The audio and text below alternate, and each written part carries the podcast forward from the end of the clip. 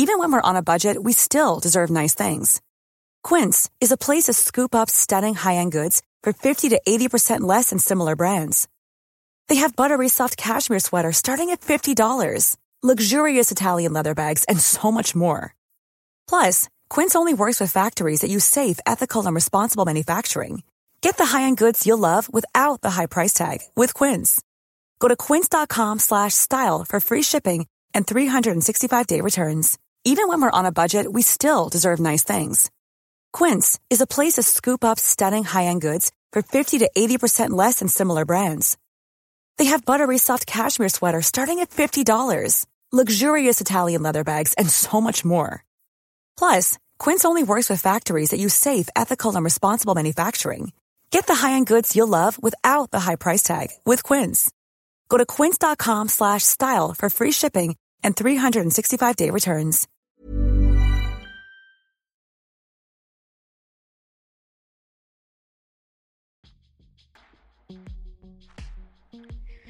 Om jag blev utsatt för våld skulle jag gått vid första slaget.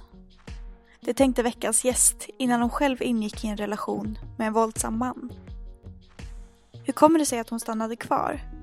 Fanns det varningstecken som hon lät passera obemärkt? I detta avsnitt gästas vi av Emilia, en ung kvinna som fallit offer för mäns våld mot kvinnor i en nära relation. Emilias berättelse innehåller skildringar som kan verka stötande för dig som bär på liknande erfarenheter. Befinner du dig i våld? Kontakta Kvinnofridslinjen på 020 50 50 50. Slår du din partner? Välj att sluta på 020 55 56 66 eller besök valjatsluta.se. Det finns hjälp att få. Ni lyssnar på Brottsofferpodden avsnitt 35 Flykten från fångvaktaren av Joakim Lindén Kastenbäck och producent Ellen Nilses. Det här är Emilias berättelse. Hej! Hej! Hej, hej! Välkommen till Brottsofferpodden. Tack så mycket. Väldigt glad att ha dig med här idag. Tack. Det blev väldigt så här på, på kort tid också. Så, Mm. att, eh, så jag är väldigt tacksam, eller vi är väldigt tacksamma för det. Är vi, vi är här för att prata om en, eh, en tid i ditt liv som kanske inte var så rolig. Ja, precis. En destruktiv relation kan man säga. Ja, Så, eh, och det är relativt färskt också. ja det är det. Det är det. Och eh, man kan väl säga att jag kom in i den här relationen 2017 och den avslutades tidigare i höstas. Ja, okej, okej. Så, men vi kan ta innan du kom in i den här relationen. Vad för typ av relationer levde du i då? Eh, innan det, eh, för vi träffades under hösten 2017. Eh, under våren där så gjorde jag slut med min tidigare pojkvän som hade varit min första pojkvän. Vi hade varit ihop i fem och ett halvt år. Eh, men vi hade haft ett distansförhållande. Jag bodde i Uppsala då och han bodde nere på västkusten. Och jag kände väl att nu börjar det bli dags att ta det här förhållandet till nästa nivå. Liksom, vi var båda fär, färdigutbildade och hade liksom båda gett oss ut på arbetsmarknaden. Men han kände sig inte liksom, vad ska man säga, han var inte beredd att ta det steget med mig och då valde jag att göra slut med honom. Ja, okej. Men vad han, hade han, var det en sund person? Sund person, eh, helt, helt vanlig kille liksom. Ja, eh, han, han precis som jag jobbar också som lärare liksom. Ja, okej, okej. under sommaren där 2017 så började jag då chatta med mitt ex. Och eh, Det här han, exet som är nu. det här exet som är nu precis. Eh, vi kan väl kalla honom förövaren kanske då. Ja, yes, yes. Eh, så att då började vi i alla fall chatta och skriva till varandra och jag var väl lite skeptisk först för att han var 11 år äldre än mig. Ja, jag förstår. Men ändå var det någonting som eh, var intressant med honom som, som Ja. gjorde att du var villig att träffa honom. Absolut, för att jag tror att det var att han kunde erbjuda mig, eh, vad ska man säga, ändå, det kändes som ändå någon typ av stabilitet liksom, hade ett bra jobb, bodde i hus, eh, var ändå ganska välutbildad, eh, vilket jag alltid har tyckt varit viktigt med de killar jag dejtar eftersom jag själv är väldigt högutbildad. Ehm, så att till slut då i november 2017 så eh, gick vi ut och käkade ihop. Hur var det att träffa honom första gången? Eh, det var bara roligt och härligt och vi hade liksom en jättetrevlig middag som han bjöd mig på.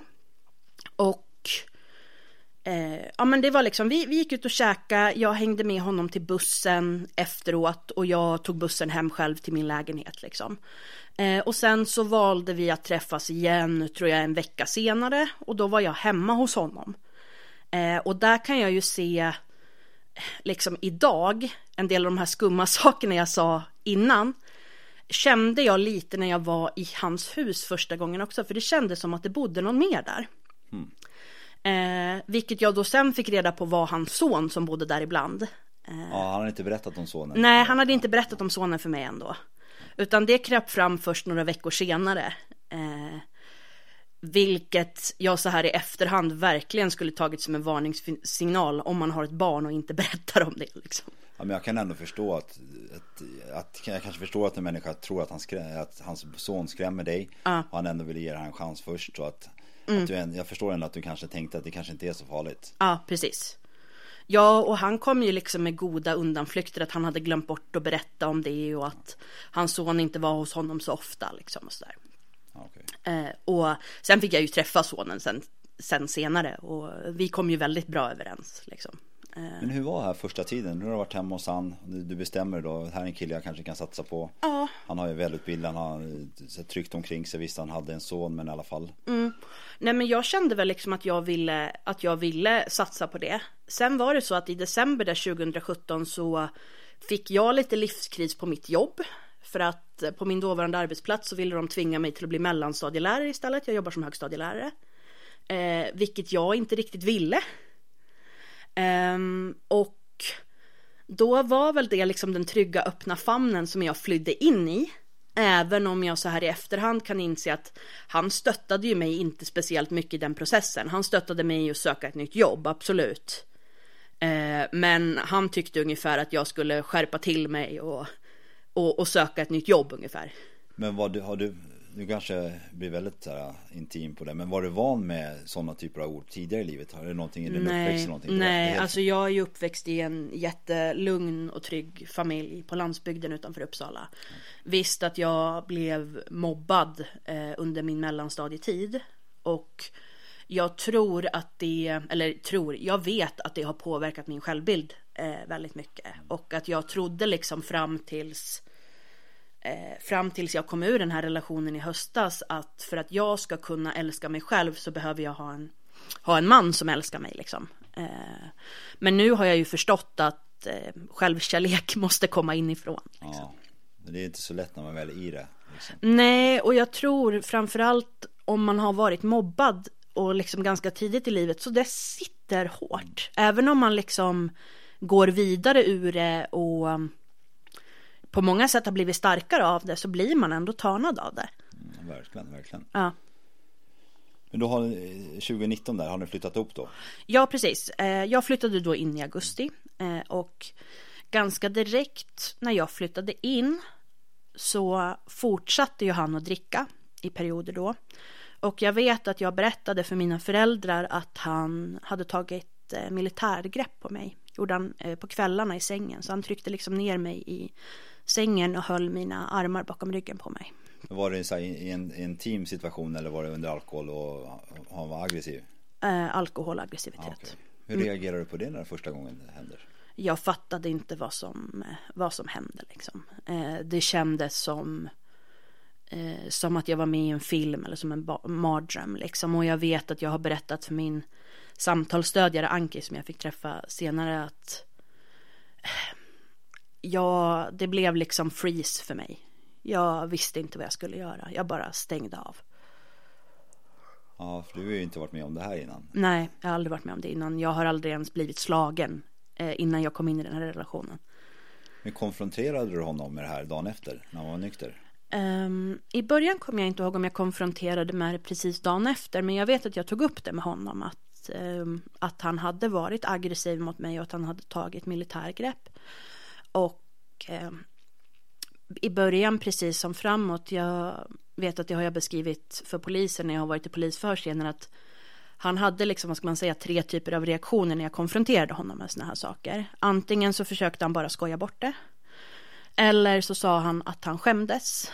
Eh, eller så eh, försökte han liksom byta samtalsämne det var liksom de, de tre strategierna han hade.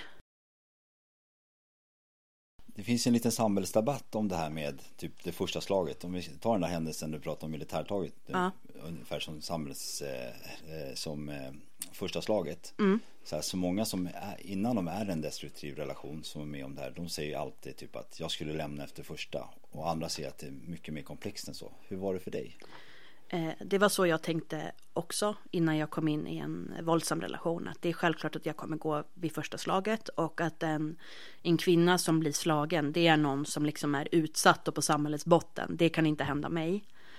Men när de här militärtagen väl började så trodde jag att, alltså jag såg inte det som första slaget. Jag såg mig inte som en våldsutsatt kvinna.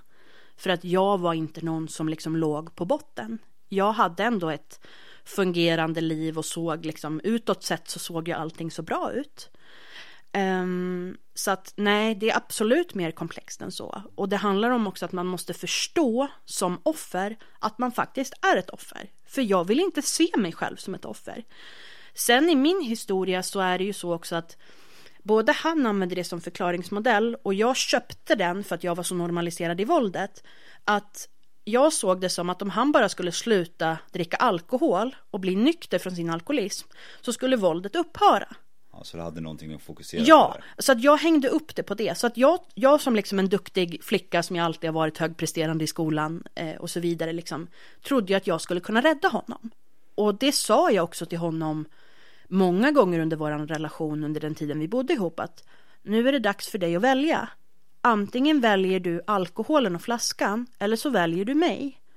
Och trots att jag ställde det ultimatumet så valde jag att komma tillbaka till honom gång på gång. Eh, men till slut så rann ju bägaren över, men det kommer vi kanske till ja, senare. Absolut, absolut. Då, då är det i alla fall den här situationen han börjar ta, blir lite mer och mer våldsam. Ja. Och du berättade att du pratade med dina föräldrar. Ja. Här, vad, vad, hur reagerar de på det här?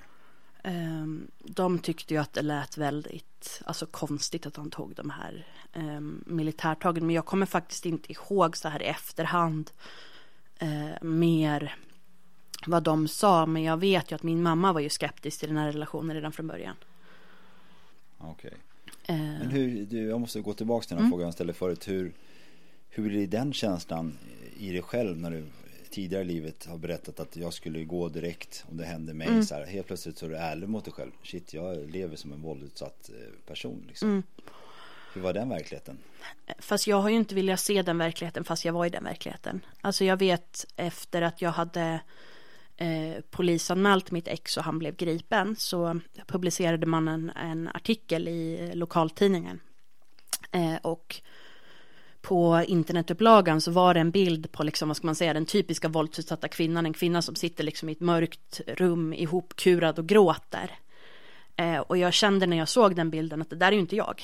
Absolut att jag är en våldsutsatt kvinna, eh, liksom absolut, men det är ju inte bara jag. Det är liksom en av mina identiteter. Eh, jag har många andra identiteter också som jag är betydligt mer eh, stolt över ja, än att bara vara våldsutsatt kvinna liksom.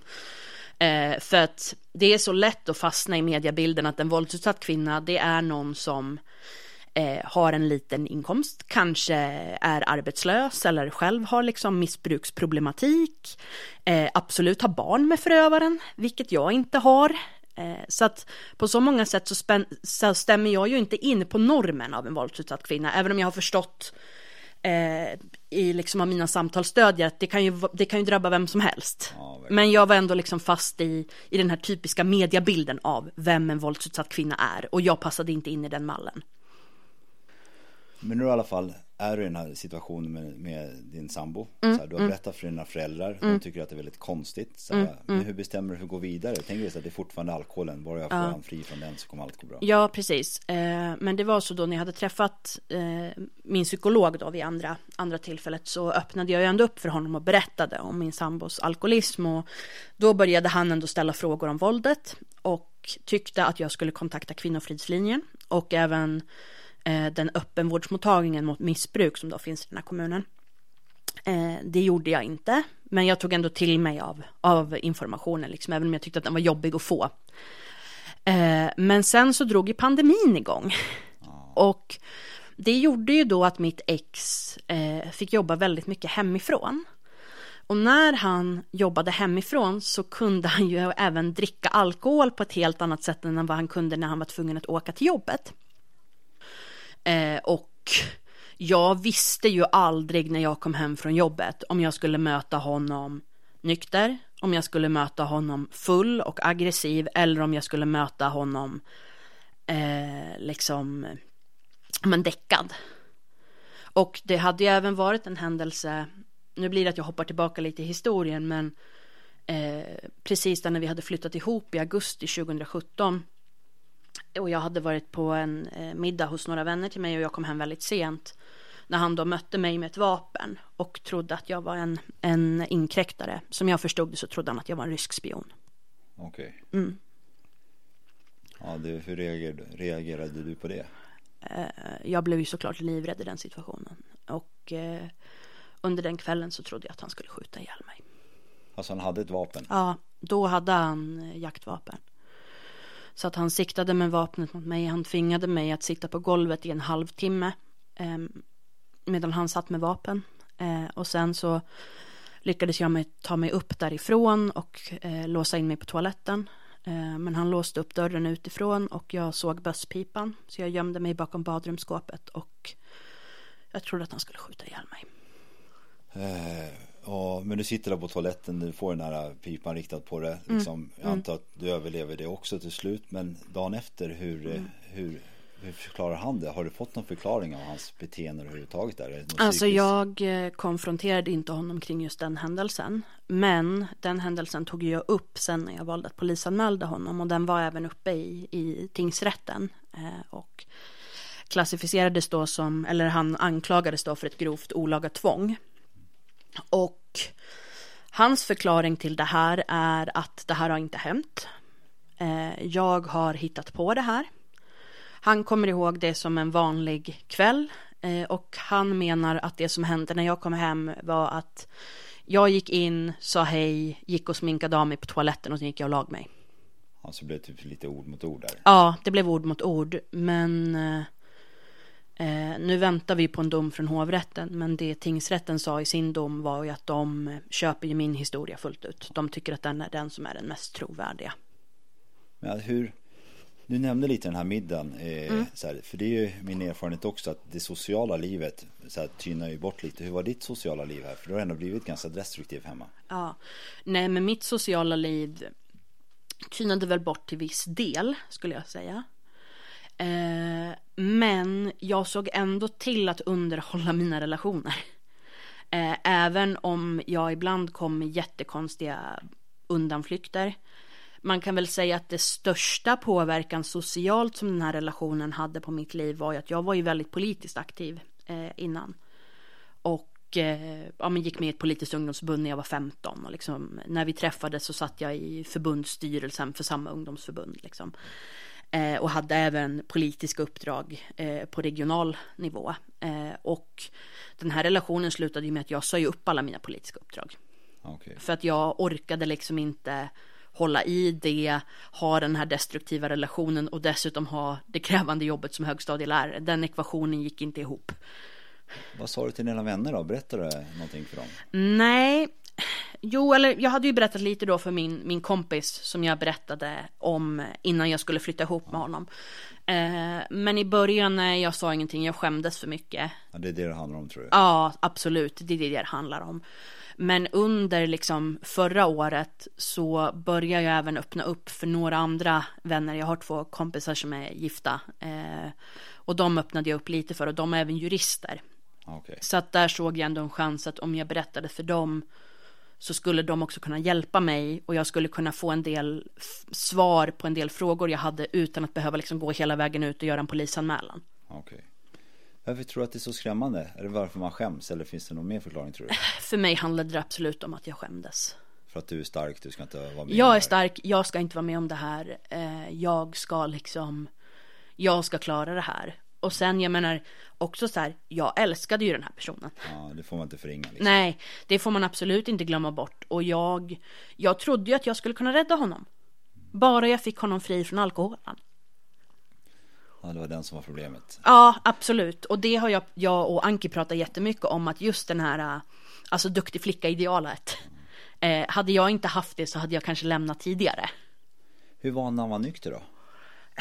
Alltså, jag tyckte att han kunde vara ganska rolig och charmig. Men jag har ju, för, jag har ju liksom tänkt till så här efteråt att han var ju extremt egoistisk. Eh, väldigt materialistisk. Mycket så här, skulle ha de senaste och värsta prylarna inom, inom det mesta. Eh, men också att han, alltså han berättar ju samma historier hela tiden. Och tjata om grejer liksom. Han kunde berätta, om han hade suttit i ett samtal så här som du och jag sitter nu så hade han kunnat berätta samma sak åtta gånger. Och vi skulle liksom tycka att ja men vi fattar ju efter första gången. Ja. Men han tjatar liksom om, tjatar om, tjatar om, tjatar om. Men det fanns ändå en son med i bilden också. Hur ja. var när sonen var där? Eh, det var kanske varannan vecka? Något, nej, alltså det var mer sällan än så. Jag skulle säga att när vi hade sonen som mest så var han hos oss typ varannan helg. Okay. Men han fick aldrig sova över på helgerna. Så att jag tror ju att det har hänt någonting i hans tidigare relation. Eh, men jag vet inte vad. Ja, jag förstår. Eh, men det var ju, alltså oftast när vi hade, hade hans son så var han ju liksom, ja men nykter och fokuserad. Men jag vet de sista gångerna vi hade hans son, jag har inte träffat hans son efter att han åkte dit för det här grova eh, rattfylleriet. Eh, men jag vet på slutet där så kunde han ju dricka även fast vi hade sonen. Jag vet att han skjutsade hem sonen fast han liksom hade druckit. Hur reagerade du på sådana bitar? Så här, satte han mot väggen? Nej, jag gjorde faktiskt inte det för jag orkade inte. Jag var så, jag var så nedbruten och jag var så rädd. Så jag orkade inte det. Eh, men det är ju någonting så här i efterhand som jag verkligen är, är tacksam för att det inte hände någonting. För att eh, jag har ju i den här processen, jag har ju förlorat min bonusson. Så är det ju. Eh, och det är ju också så att hade jag, hade jag kanske satt ner, det är tur att det inte hände någonting. Hade de kört av vägen eller det hade hänt någon trafikolycka eller något så hade jag absolut skuldbelagt mig själv för det. Eh, men om vi hoppar tillbaks till själva alla händelser mm, så mm. Har du fått kontakt med en Anki. Ja, precis. Och du börjar kanske få lite, få lite stöttning ja, som, precis. Är, som är rätt. Så ja. hur, går, hur går du vidare efter det? Jo, men jag och Anki har kontakt och hon, eh, hon jobbar med mig och gör liksom, ja, men socialtjänstens olika bedömningar för våld och det visar sig att jag lever ju i en extrem fara. Hon tycker absolut att jag ska lämna den här relationen. Och vi börjar prata om att liksom packa en akutväska. För att om han blir våldsam att jag ska åka därifrån och att jag ska ha en plan. Jag ska börja liksom mentalisera själva processen att ta mig därifrån. Så den 4 februari eh, 2020 så eh, misshandlar han mig. Eh, och jag lyckas med nöd och näppe ta mig ut till bilen. Jag springer ut till bilen i i eh, liksom lågskor och jag har inga byxor på mig. Jag har bara min vinterjacka på mig. Eh, och jag försöker få med min väska med kläder men den har han kastat bort tidigare så jag har liksom en, en tygpåse med typ min dator och lite andra grejer. Eh, så jag springer ut till bilen, eh, hoppar in i den, kör därifrån. Jag ser att han står på, på farstutrappan under tiden och när jag kör därifrån så så ringer jag Anki och det är alltså mitt i natten. Jag har för mig att klockan var typ runt, runt 11. Eh, och berättar då för henne vad som har hänt, att jag har blivit misshandlad och att jag har lyckats ta mig därifrån. Eh, och jag åker hem till mina föräldrar. Och sen då dagen efter så blir jag placerad i en jourlägenhet av socialtjänsten. Okej, okay, så här skyddat? Ja, alltså inte skyddat boende utan en jourlägenhet liksom, där man kan få bo om man inte har någonstans att bo. Liksom. Okay. Så, att, så att de gömmer undan mig i en jourlägenhet och jag får, inte, jag får inte säga vart jag är någonstans. De vill inte att jag ska ha någon kontakt med förövaren. Eh, och eh, jag har då även kontakt med min arbetsgivare och liksom berättar för min chef eh, vad som har hänt. Det jag har berättat för honom innan är att eh, ja, men mitt ex då hade åkt dit för grov rattfylla. Men jag hade inte berättat någonting om våld innan. Men då går det ju upp för min chef att jag lever i våld och med en alkoholist. Liksom. Okay. Fick du bra stöd av chefen? Ja, jag har fått jättebra stöd av jobbet och eh, min chef var även med och vittnade sen i, i rättegången som var i höstas. Ja, skönt. Mm, så att, alltså jag skulle väl säga så här att när jag väl har bett om hjälp av samhällsinstanser så har jag verkligen fått hjälp. Ja, jättekul att höra. Ja, så att eh, även om jag också har liksom Tyvärr så är det ju många som inte får den hjälp de behöver och det är ju mycket vad som förmedlas i mediebilden. Eh, men jag har upplevt precis tvärt emot. Jag har fått så mycket hjälp och så bra hjälp. Men då har du i alla fall kommit till ett jourhem. Ja, eller en jourlägenhet. Jourlägenhet, så var det. Mm, mm. Och eh, hur, vad hände i den lägenheten? Eh, jo, men jag, eh, jag för mig att jag kom dit en, en onsdag eller en torsdag. Eh, och jag, eh, från jourlägenheten då så kan jag faktiskt jobba. Jag distansundervisar. Eh, så det gör jag upp med min chef. Så att jag har fjärrundervisning med mina elever. Jag sitter digitalt och det gör de med. Sen över helgen där så tyckte jag att det var jättejobbigt. För då hade jag liksom ingen ingen hjälp och inget stöd. Jag kunde smsa Anki lite men det var liksom det jag hade. Men hur känner du gentemot eh, din förövare här? För ja. att du är ändå kär i honom och ja. du har dragit därifrån. Ja, hur? nej men jag, jag har ju blivit åtsagd av av socialtjänsten att jag ska försöka liksom bara ignorera honom. Så här, för att han kommer försöka kontakta mig. Och det gör han ju där under helgen. Och, eller han gjorde det innan också. Men speciellt där under helgen så jag orkade inte stå emot. Utan då svarade jag när han ringde. Så um, han visste ju inte att jag var i jourlägenhet. Det har jag inte berättat för honom. Det fick han reda på först i, i eh, rättegången. Men i alla fall då så känner jag att jag orkar liksom inte vara kvar i jourlägenheten. Jag vill tillbaka till honom. Måndagen därefter så var det dessutom, alltså efter helgen så var det dessutom hans födelsedag. Men pratade du med någon om att du ville komma tillbaka till honom? Eh, nej, alltså eller jag pratade med mamma och pappa om att jag ville att jag ville tillbaka hem till honom. Men jag sa ingenting till socialtjänsten utan jag jag ljög för dem och jag ljög för Anki och sa att jag skulle flytta hem till mina föräldrar en period för att jag tyckte att det var för jobbigt att vara själv i jourlägenheten. Ah. Men eh, alltså direkt efter jag hade kommit ur jourlägenheten så åkte jag och köpte mat och sen åkte jag tillbaka hem. Så han din förövare, var, han tror bara att du var hos dina föräldrar? Ja, precis, precis. Och du säger inte hur han har varit eller agerat? Jo, alltså jag säger ju vad som har hänt, det berättar jag för honom. Eh, och han är ångerfull för det. Och ber mig att jag ska komma hem. Eh. Men får du något när han ber dig där direkt? Mm, mm. Får du någon sån tanke, jag ska absolut inte gå hem dit? Aldrig, nej, aldrig. Nej, nej, nej, absolut inte. Utan det är snarare sagt att jag vill hem. Du vill hem? jag vill hem för att han lovar ju mig liksom att han ska förbättra sig, att han ska ta tag i sitt drickande, att allt kommer bli bra. Liksom bara jag kommer hem så kommer allting bli bra. Det är kanske svårt att minnas nu men tror att du har någon slags känsla inom dig att du går våld mot dig själv genom att åka hem dit? Att du absolut inte borde göra det men du gör det ändå? I den situationen nej.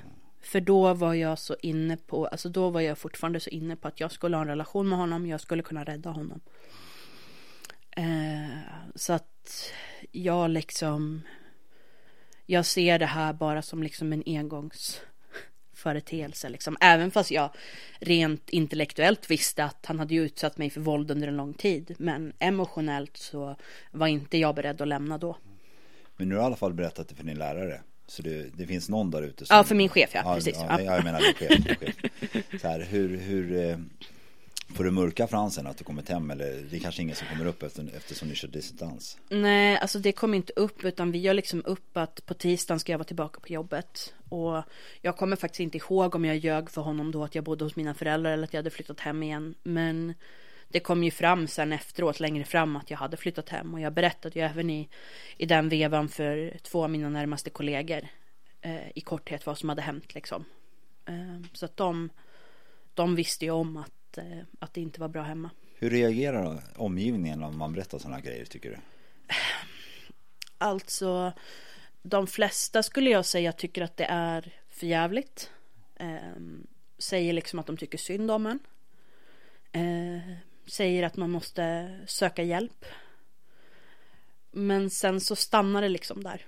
Jag tror att omgivningen och framförallt mina föräldrar som ändå de som liksom har vetat mest ändå av mina anhöriga, de blir också normaliserade i våldet. Ja. Och eh, alltså det är det är svårt men jag tror att om man som anhörig, alltså det bästa man kan göra är ju, alltså fortsätt ha kontakt med personen, fortsätt fråga hur den mår och sen ta den i handen och se till att den söker hjälp. Ja, följa med den typ. följa med den typ. Eh, i mitt fall så tror jag också att mamma och pappa förlitade sig ganska mycket på att de visste ju att jag hade Anki. Ja, okej. Hej hörni, producent Ellen här. Jag vill bara flika in och påminna om att Brottsofferpodden finns på Instagram. Vi heter Brottsofferpodden, precis som här. Följ oss gärna där och skriv till oss om ni har förslag på vem ni vill ska gästa eller vad podden ska ta upp för ämne. Dessutom vill jag berätta att vi öppnar möjligheten för företag att sponsra oss. Maila till brottsofferpodden at gmail.com för din chans att synas här i mitt reklambreak. Nu ska ni få återgå till intervjun med Emilia. Men hur går det vidare sen? Nu har du flyttat hem igen, han har lovat att bättra sig. Ja. Och blir det någon förbättring? Nej, det blir det inte. Alltså första nederlaget kommer ju redan liksom någon dag senare för att jag fyllde år även samma vecka. Eh, och min 30-årsdag fick jag fira när jag kom hem. Vi skulle gå ut och käka han och jag men den fick jag fira med att han låg hemma däckad och jag fick inte äta någonting. Får du några tankar då? När nu har jag gjort det här igen, jag borde lämna den här personen? Mm. Ja, alltså det får jag för sen på helgen där sen så skulle vi ut och äta med mina föräldrar och fira att jag hade fyllt år och det pajade han ju också. Vi åkte i varsin bil in till stan, vi skulle iväg och käka på en restaurang, mamma hade bokat in så vi skulle äta en fin lunch liksom. Men han trackade på mig hela bilfärden för att han har ju då inget körkort. Men så att det är ju jag som kör eftersom han har supit bort sitt körkort. Så han trackar på mig hela vägen, att jag inte kan köra bil, att jag är en helt värdelös bilförare. Att han är rädd när han åker med mig. Att sådana som mig borde inte få körkort. Eh, och det här bråket fortsätter då även när vi kommer fram till, eh, till staden och ska gå till restaurangen då och eh, mina föräldrar hör det här. Ja, de hör. Ja, ja, ja. är Alltså det någon de, annan som har hört någonsin? Eller han har skött det så här diskret? han har skött det diskret och han har ju ofta smugit undan när han har druckit också. Eh, men i alla fall då så får jag en panikångestattack och jag säger åt mamma att du måste köra in mig till psykakuten. Eh, det här går inte liksom. Eh, men jag försöker ringa till, eh, till 1177 men jag får liksom inget svar. Jag hamnar bara i en telefonkö. Så att det slutar med då att vi åker hem till huset. Mitt ex åker med min pappa. Och pappa skäller ut honom efter noter att nu får det vara nog med det här. Du får ta tag i ditt drickande liksom. Du kan inte vara så här elak mot Emilia. Eh, och mamma och jag kommer fram till huset. Hon går också in och pratar med honom. Eh, och jag sitter kvar i bilen och till sist kommer jag in. Eh, men efter det här så eskalerar ju våldet ännu mer. För att då är ju han arg på mig för att mina föräldrar lägger sig i och att de tar sig friheten att skälla ut honom i hans hus. Ja, okej. Mm. Alltså det är under samma dag, samma kväll. Ja, precis. Och han är ju då full under hela, hela den här dagen.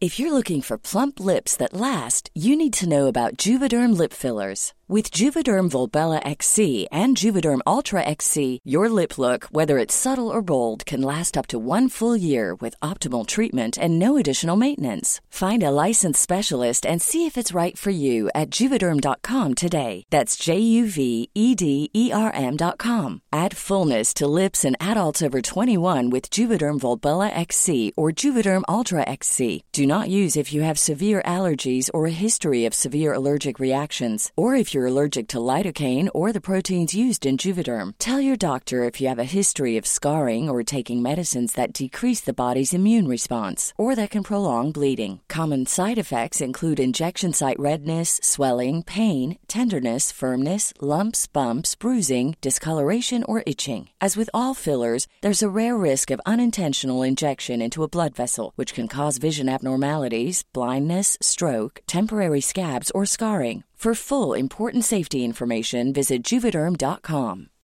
Millions of people have lost weight with personalized plans from Noom, like Evan, who can't stand salads and still lost 50 pounds.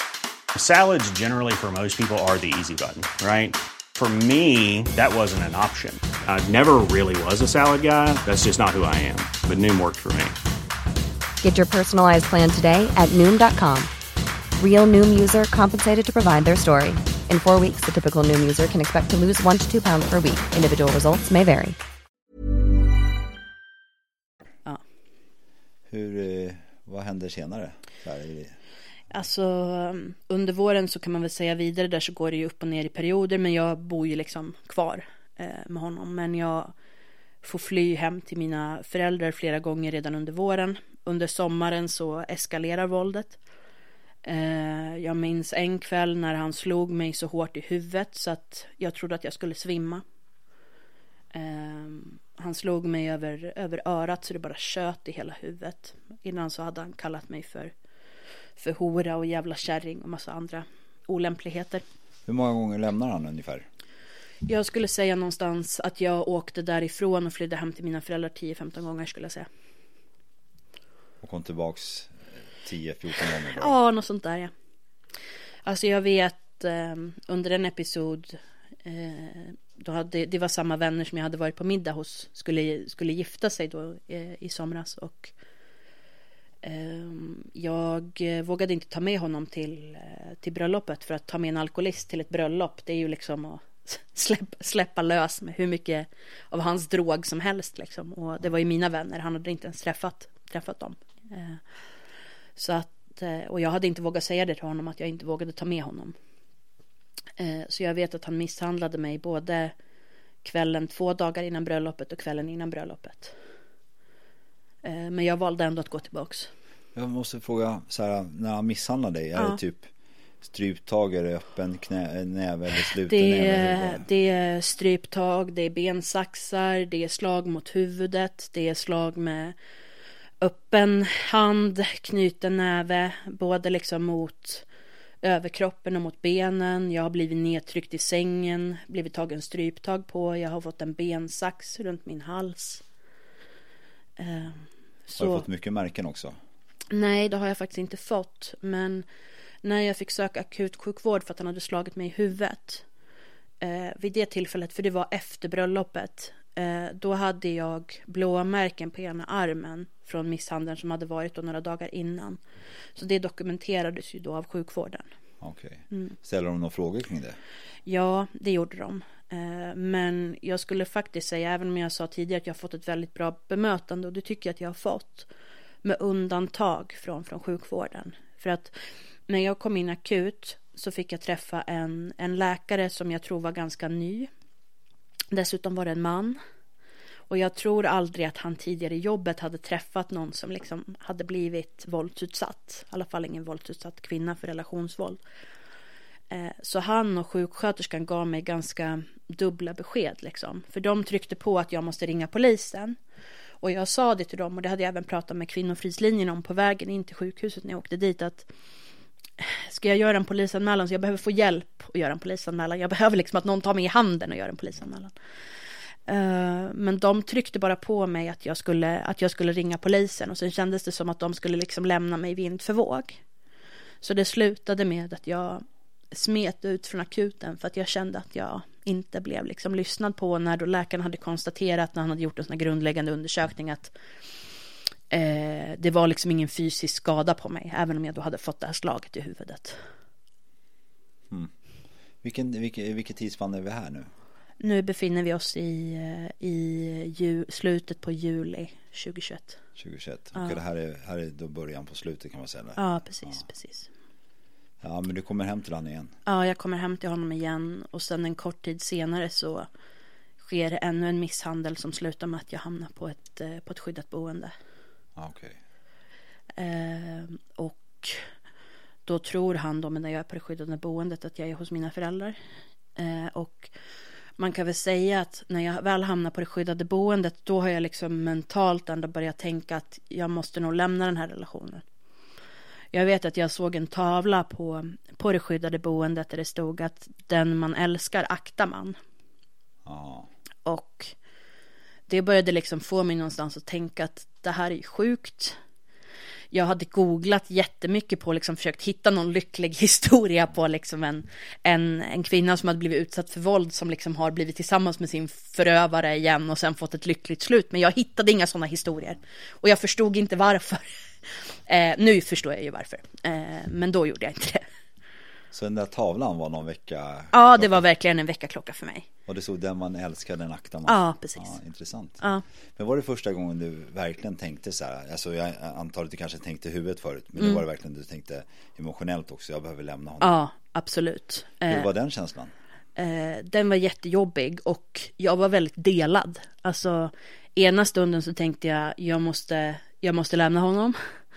Och andra stunden så tänkte jag jag vill bara gå tillbaka till honom. Eh, och i den här vevan så jag vet inte om det stämmer eller inte men det han påstod för mig var också där, alltså medan jag var på det skyddade boendet att han fick eh, problem med sitt hjärta och hamnade på sjukhus. Och jag vet att jag en natt på det skyddade boendet så valde jag att åka därifrån för att jag fick som panik för han ringde mig och sa att han hade varit på sjukhuset. Eh, och jag försökte ringa till sjukhuset, liksom till akutavdelningen och kolla så här, är han där? För att socialtjänsten hade, min socialsekreterare hade varnat mig för att så här, han kommer försöka locka hem dig igen liksom. Eh, och jag försökte ringa sjukhuset och jag fick prata med växeln men när, jag, när de skulle koppla mig till akutavdelningen så kom jag aldrig fram.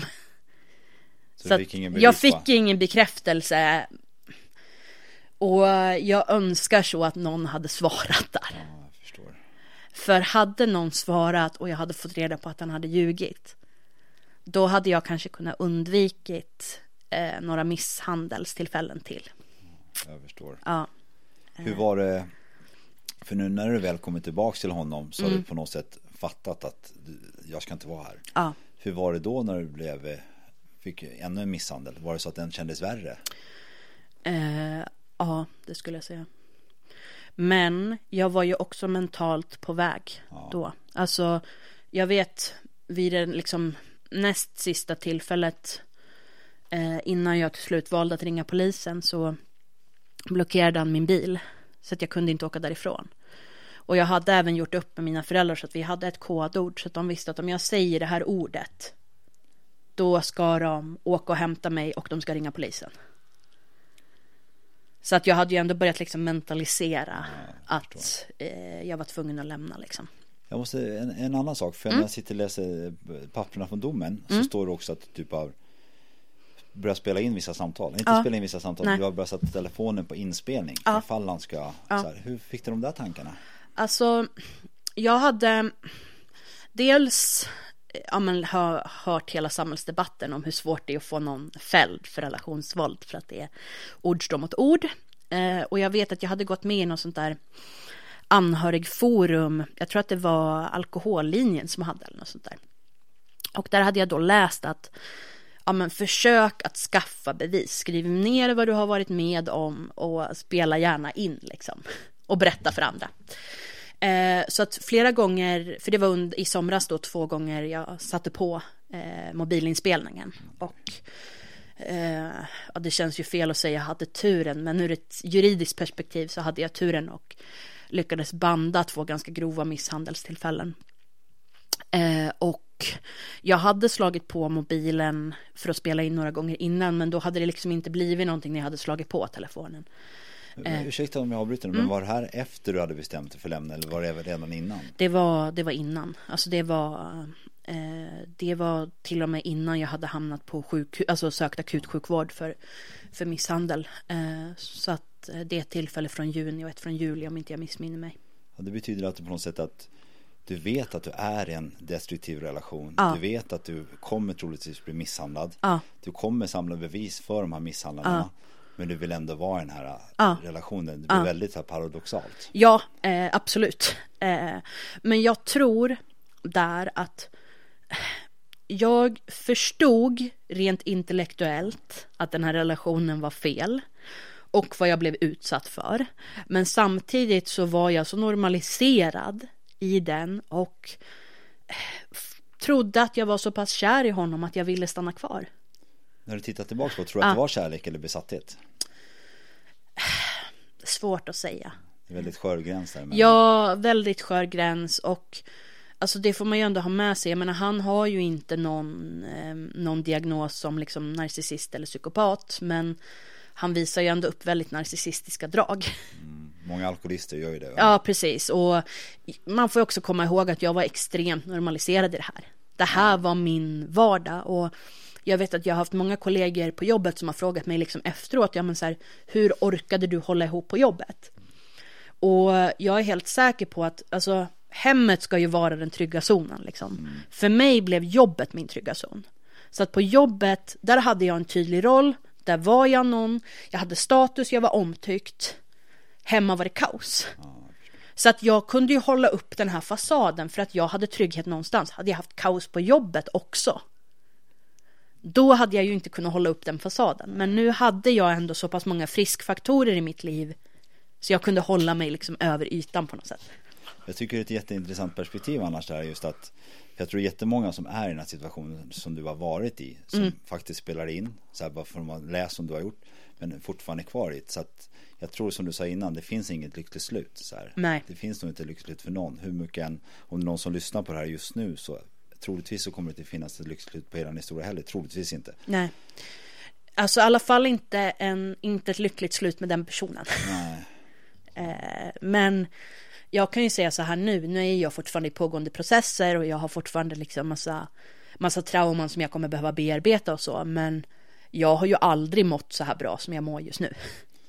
Ja, det är någon frihetskänsla. ja, alltså frihetskänslan är enorm. Alltså när jag fick klart att han satt bakom lås och bom och var häktad. Eh, alltså det var som jag kunde andas igen. Eh, det är nog en känsla som jag tror att få personer känner, men ingen blir ju så lycklig som jag som när jag ser en polisbil. Ja, det är så. Ja, eh, för det känns som så här, då vet jag att de är ute, de har koll, eh, de ser till att liksom de som ska vara inlåsta är inlåsta. Ja, och, jag, och jag kan vara fri, för jag har kommit ur det fängelset som jag levde i. Vi kan ju prata mer om just den här frihetskänslan mm. eh, mer sen. Absolut. Här, för jag tänkte, för nu har du ju gått tillbaks till han på grund av att han hade något fel på sitt hjärta. Ja. Eh, och du sa själv att du hade önskat att eh, sjukhus hade svarat så hade du sluppit ett par misshandlar. Mm, så uppenbarligen så blir det ett par misshandlar till. Så här, ja. Men du emotionellt är du redan på väg därifrån. Ja. Så här. Och vad var det, det sista som hände som gjorde så att du verkligen, verkligen, verkligen lämnade den här mm. gången? Vid näst sista tillfället som jag berättade tidigare så blockerade han ju min bil. Mm. Eh, men, och jag hörde även av mig till mina föräldrar för det var ganska tidigt. Det var typ i femtiden här för mig.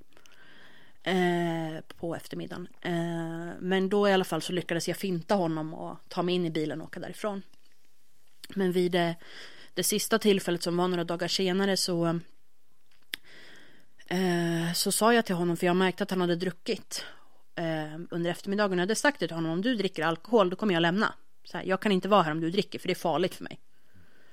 Eh, men han smygdrack ändå alkohol eh, och då kände jag att jag kan inte vara kvar här för jag vet inte vad som händer. Eh, han kan ju liksom slå ihjäl mig. Och eh, då i alla fall så jag lyckas samla ihop mina saker och han försöker hålla kvar mig i huset, han försöker tvinga kvar mig. Eh, men jag lyckas putta bort honom och jag lyckas ta mig ut och eh, lägger i mina grejer i bakluckan på bilen. Eh, och medan jag då gör det så hoppar han in i framsätet och öppnar min motorhuv och säger att han ska sabotera min bil. Och jag säger åt honom att jag vill inte att du ska göra det, jag vill bara få åka härifrån. Så här, låt mig bara få åka härifrån. Och då eh, tar han upp knytnäven två gånger och säger att om jag åker därifrån så kommer det få konsekvenser, om jag kommer närmare honom så kommer han att slå mig. Eh, men till slut så lyckas jag trycka ner motorhuven på bilen. Men jag inser att jag kommer inte kunna komma in i bilen. För att om jag hoppar in så kommer han liksom hoppa efter mig och försöka tjata mig ut därifrån. Eh, så då medan den här tumulten sker vid bilen så ringer jag min pappa och pappa frågar mig så här Emilia ska, ska jag ringa polisen? Och då säger jag nej, gör inte det, jag ringer själv. Så ringde jag till 112 eh, och Hör han dig när du gör det? Eh, nej, alltså han hör inte mig för jag börjar gå från huset. Jag går liksom ut på, på landsvägen och börjar gå därifrån. Jag låser bilen. Eh, men vi pratar under hela vägen Alltså, eller han följer efter mig på vägen medan jag går därifrån. Samtidigt som jag pratar liksom med larmoperatören från SOS Alarm. Och under då eh, den här biten när jag går så liksom säger jag det till honom flera gånger att kan jag bara få komma tillbaka och hämta bilen? Jag lovar, jag ska åka härifrån. Men han hotar mig liksom att det kommer få konsekvenser om du kommer tillbaka till tomten. Eh, jag tar inte ansvar för vad som händer om du kommer tillbaka till tomten. Eh, och jag fortsätter att prata med larmoperatören och till slut då så vänder mitt ex tillbaka. Jag kommer inte ihåg varför men han vänder i alla fall tillbaka till huset men jag fortsätter liksom att gå. Och efter en stund då så möter en polis, polispatrull upp mig och jag träffar en, en kvinnlig och en manlig polis. Var det skönt att träffa dem? Ja, det var jätteskönt att träffa dem. Eh, och jag liksom diskuterar fram och tillbaka med dem för jag ville liksom ta min bil och köra därifrån. Eh, men de sa liksom att nej men vi, vi, vi vågar inte det för att om han kommer ut eller är aggressiv då måste vi gripa honom. Och det har jag förstått så här i efterhand att de vill ju inte släppa mig för de vill ju få hålla polisförhör med mig. Ah.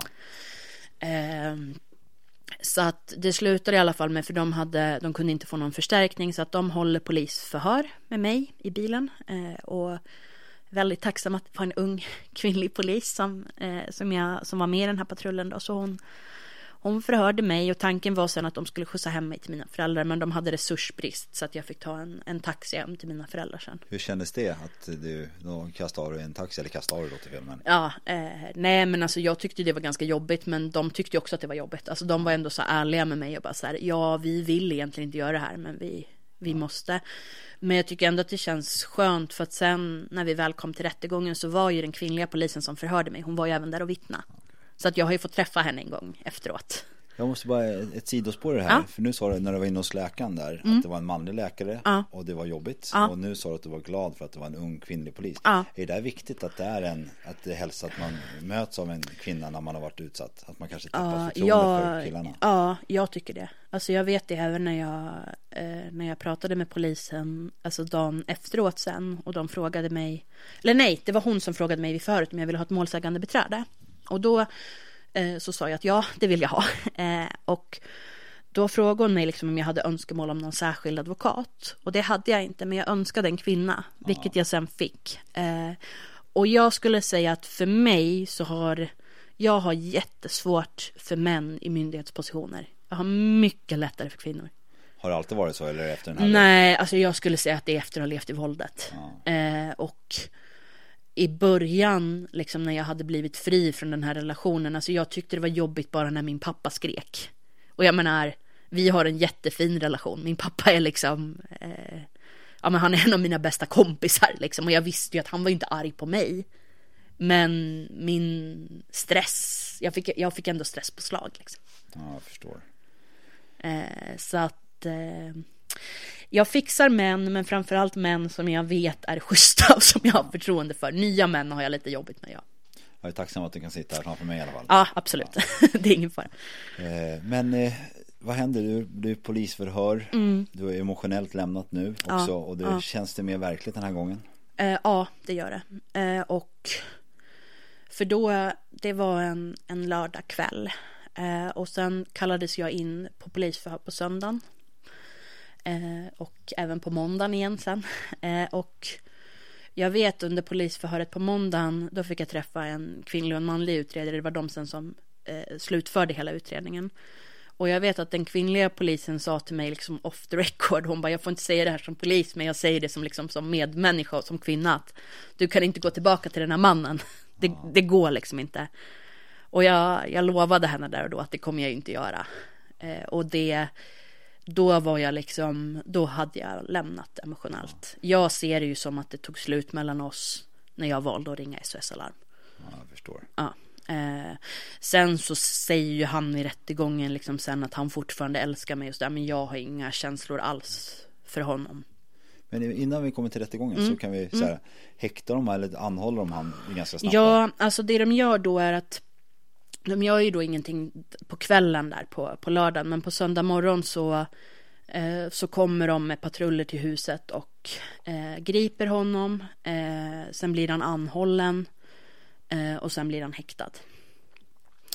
Och eh, måste det, det finnas ganska mycket bevis mot Ja, precis. Och jag har ju då de här inspelningarna som vi pratade om innan, de har jag lämnat in till polisen. Jag har även lämnat in liksom ja, journalanteckningarna från sjukhuset jag sagt när det var, så det har de fått ta del av. De har fått ta del av mina minnesanteckningar. Jag har fått ange vilka jag har berättat för, så de börjar liksom hålla vittnesförhör med både mina föräldrar och vänner och kollegor och min chef. Eh, och jag lämnar även in liksom minnesanteckningar och sånt som jag har. Yes. Hur snabbt går det tills det är rättegång? Eh, ja men där, när han väl blev häktad så blev, en häktningsperiod är ju på två veckor. Så det blev han häktad på först. Och sen så blev han omhäktad en vecka. Eh, och sen har jag för mig att efter omhäktningen hade gått ut så tror jag, om jag minns rätt, att då måste det vara rättegång inom två veckor om liksom den som är eh, åtalad sitter frihetsberövad. Vilket då mitt ex eh, gjorde och fortfarande gör. Eh, så att det blev, det blev rättegång ganska fort. Så att de var liksom väldigt snabba med polisutredningen. Och det vet jag att jag, mitt målsägande beträde, också sagt att hon är liksom imponerad av hur snabbt polisen har jobbat. Ja, det låter ju jättebra verkligen. Ja, eh, så att jag känner att alla så mina fördomar jag hade innan av att inte tas på allvar, att inte bli lyssnad på, rädsla för att liksom det skulle läggas ner, så har man Alltså har man, har man bevisning och på fötterna så absolut, det är klart man ska anmäla. Och jag tycker man ska anmäla ändå för att liksom komma, komma ur det. Men eh, i mitt fall så fanns det så mycket bevisning så att eh, både polisen och åklagaren tyckte att det är bara att köra. Hur var det att sitta rättegång? Så här, blev, det, eh, blev det så här förvarnad innan hur det skulle gå till? Att du skulle få möta förövaren? Ja. vad, vad för typ av frågor? Ja, precis. Jag hade ett, ett möte med mitt målsägande beträde eh, innan. Jag tror vi träffades typ ja, men en, en eftermiddag och liksom hade, hade peptalk eh, inför rättegången. Men rättegången var ju ganska lång, den var tre dagar. Så att den var först, eh, jag tror att det var onsdag, torsdag eller tisdag, onsdag ena veckan och sen var det måndag veckan efter. Eh, så att det var ju ändå liksom ganska många dagar. Mm. Eh, men jag kommer ihåg när jag kom in i rättssalen, för jag ville inte titta på honom. Så första delen av rättegången när det liksom bara var åklagaren som gick igenom all bevisföring. Eh, så jag tittade liksom bara åt sidorna. för jag ville inte titta rakt fram, för jag ville inte titta på honom. Var du rädd att du skulle, eh, vad du skulle se eller var du rädd att någonting skulle väckas igen eller? Ja, men jag var nog mer rädd för, alltså dels rädd bara för att träffa honom. Men också att han liksom skulle försöka få mina sympatier på något sätt. Mm. Men jag hade ju också under rättegången, alltså jag hade ju stöd med mig för att Men dels hade jag ju mitt målsägande beträde. Eh, åklagaren hade jag inte träffat innan men jag hade ju ändå hälsat på honom där utanför innan. Eh, jag hade min andra samtalsstödjare Elinor med mig där inne. För att Anke fick inte vara med för hon skulle vittna. Och man får inte vara med i rättssal innan man har vittnat. Eh, och sen hade jag även en av polisutredarna satt med eh, som jag hade fått väldigt mycket förtroende för. Och sen efter lunch dag ett så var även min kusin med. Och eh, jag har inga syskon men han är som en lillebror för mig liksom. Ja, vad skönt. Ja, så att, och han hade ju ingen där. Han hade ju bara sin försvarsadvokat. Ja. Tyckte det var jobbigt att han inte hade någon där. Kände du någon sympati för han? Faktiskt inte. Ja, du hade typ släppt det. Var det ja. Tror du att du hade någon slags kärlek till han kvar? Nej, alltså inte då. Men jag tror också då, för att jag menar de enda som han hade med sig förutom sin försvarsadvokat, det var ju personalen från häktet. Ja. Och de här inspelningarna på när han misshandlade mig spelades ju upp redan innan det liksom var målsägande förhör med mig. Och bara att se liksom minerna från ja, men de som satt i rätten, domaren och nämndemännen och från häktespersonalen talade ju sitt tydliga språk. Ja. Men alltså jag kommer ihåg när jag kom in i, i rättssalen och jag såg att det var kvinnlig domare, då kände jag bara inom mig bara yes, ja, de kommer ta mig på allvar. Ja det är så viktigt där, det, det ska ju egentligen vara att det ska inte spela någon Nej. roll men jag förstår ändå att det måste kännas jätteskönt. Ja, för det känns ändå som att så här, okej, okay, den här personen, hon skulle kunna vara med om samma sak som jag varit med om. Alltså, det är på något sätt ändå som att det blir som att en kvinna kan ändå leva sig in i den situationen på ett annat mm. sätt. Även om det såklart finns män som blir utsatta för våld också, såklart. Yes. Men sen så det var ju, du sa tisdag, äh, torsdag, fredag, sen måndag. Ja. Men måndagens rättegång började ta sig slut. Hur kändes det när allting var klart? Domen tar ju ett tag, du vet. Ja, jag. precis, precis. Uh, nej, men jag kände mig ganska, alltså, det kändes som att luften bara gick ur mig. Jag var så trött. uh, Men det som var skönt där, för att jag hade, hade turen att det var höstlov där, så att jag var ändå ledig några dagar efter, efter rättegången, så det var väldigt skönt. Men så, här, så nu, nu väntar du på den hovrätten, men det kan vi, eller den domen, så här, ja. det blir, blir väl kanske en annan intervju eller något annat, ja. något annat tillfälle, vi kan ja, prata precis, om det. Precis. Men eh, jag tänkte om vi går tillbaka lite till hela den här grejen, för vi pratade lite i början om offer. Mm, så här. Mm, mm. Varför tror du just ordet offer är så så starkt. För du sa det så himla bra tyckte jag att visst, jag är ett offer, men jag, du kanske inte sa de orden exakt, men jag är ett offer, men visst, jag är inget offer. Var det du sa. Ja. Jo, men alltså jag kände väl i hela den här alltså rättsprocessen. Jag vet att eh, jag kommer inte ihåg om det var Anki som sa det eller om det var mitt målsägande beträde, men det, det var under den här perioden med alla polisförhör och allting. Jag har suttit i polisförhör i över liksom ett halvt, ett halvt dygn. Att det kändes som jag jobbat två heltidsjobb. Dels mitt vanliga jobb som lärare, men sen också att jag jobbade ett, ett heltidsjobb som brottsoffer med att liksom serva polisen med att kolla upp när inspelningar var gjorda, skicka skärmdumpar, eh, gå igenom gamla sms-konversationer och allt sådär. Så att ja, eh, där och då skulle jag absolut säga att jag kände mig som ett brottsoffer. Eh, men jag vet att mitt målsägande beträde sa till mig innan, alltså när vi hade de här förberedelserna innan rättegången, att nu Emilia måste du sluta vara duktig flicka. Nu måste du gå in i brottsofferrollen ordentligt.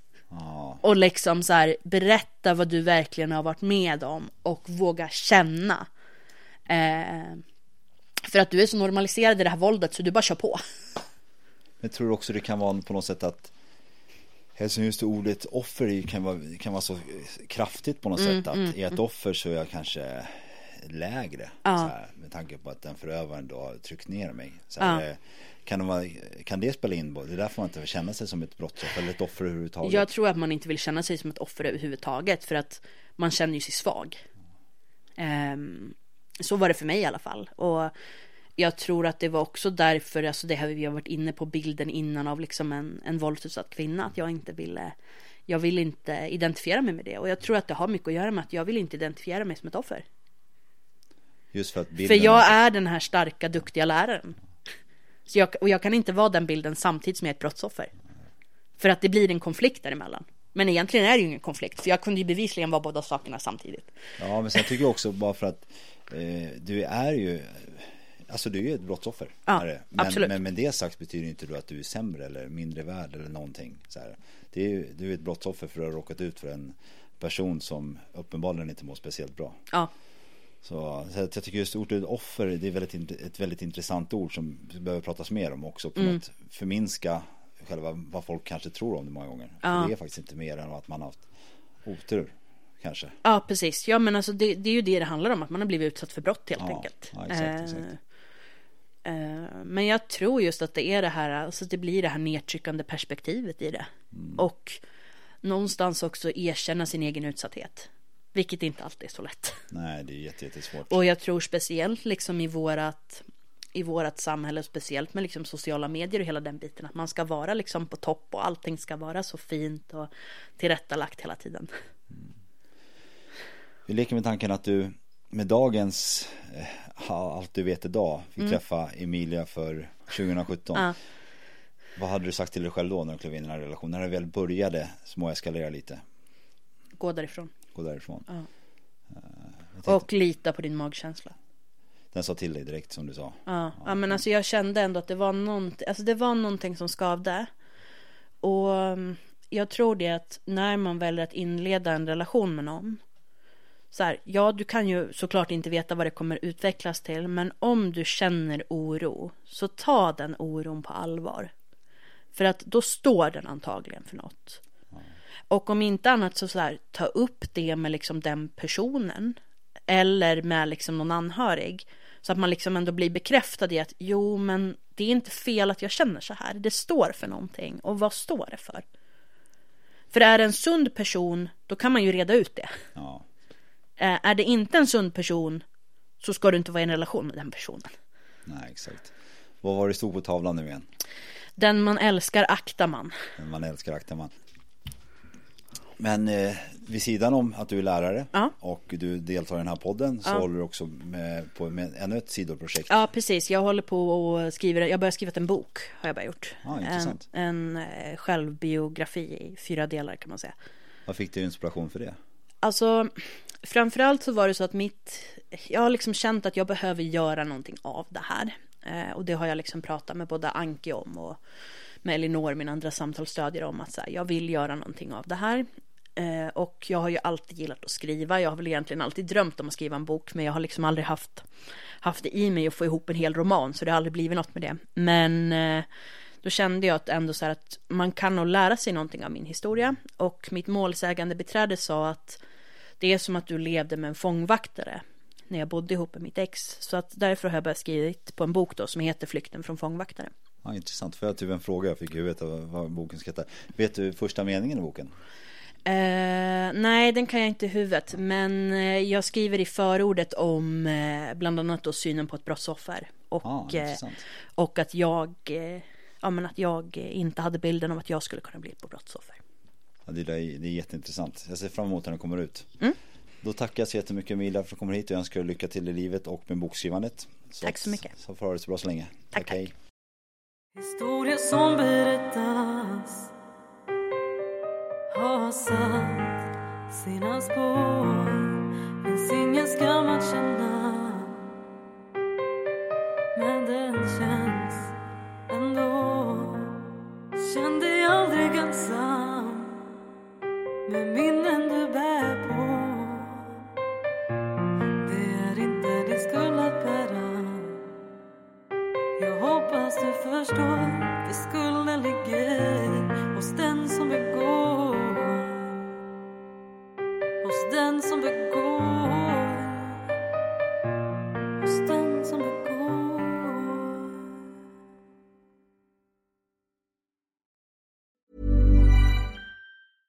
Cool fact a crocodile can't stick out its tongue. Also, you can get health insurance for a month or just under a year in some states. United Healthcare short term insurance plans, underwritten by Golden Rule Insurance Company, offer flexible, budget friendly coverage for you. Learn more at uh1.com. Even when we're on a budget, we still deserve nice things.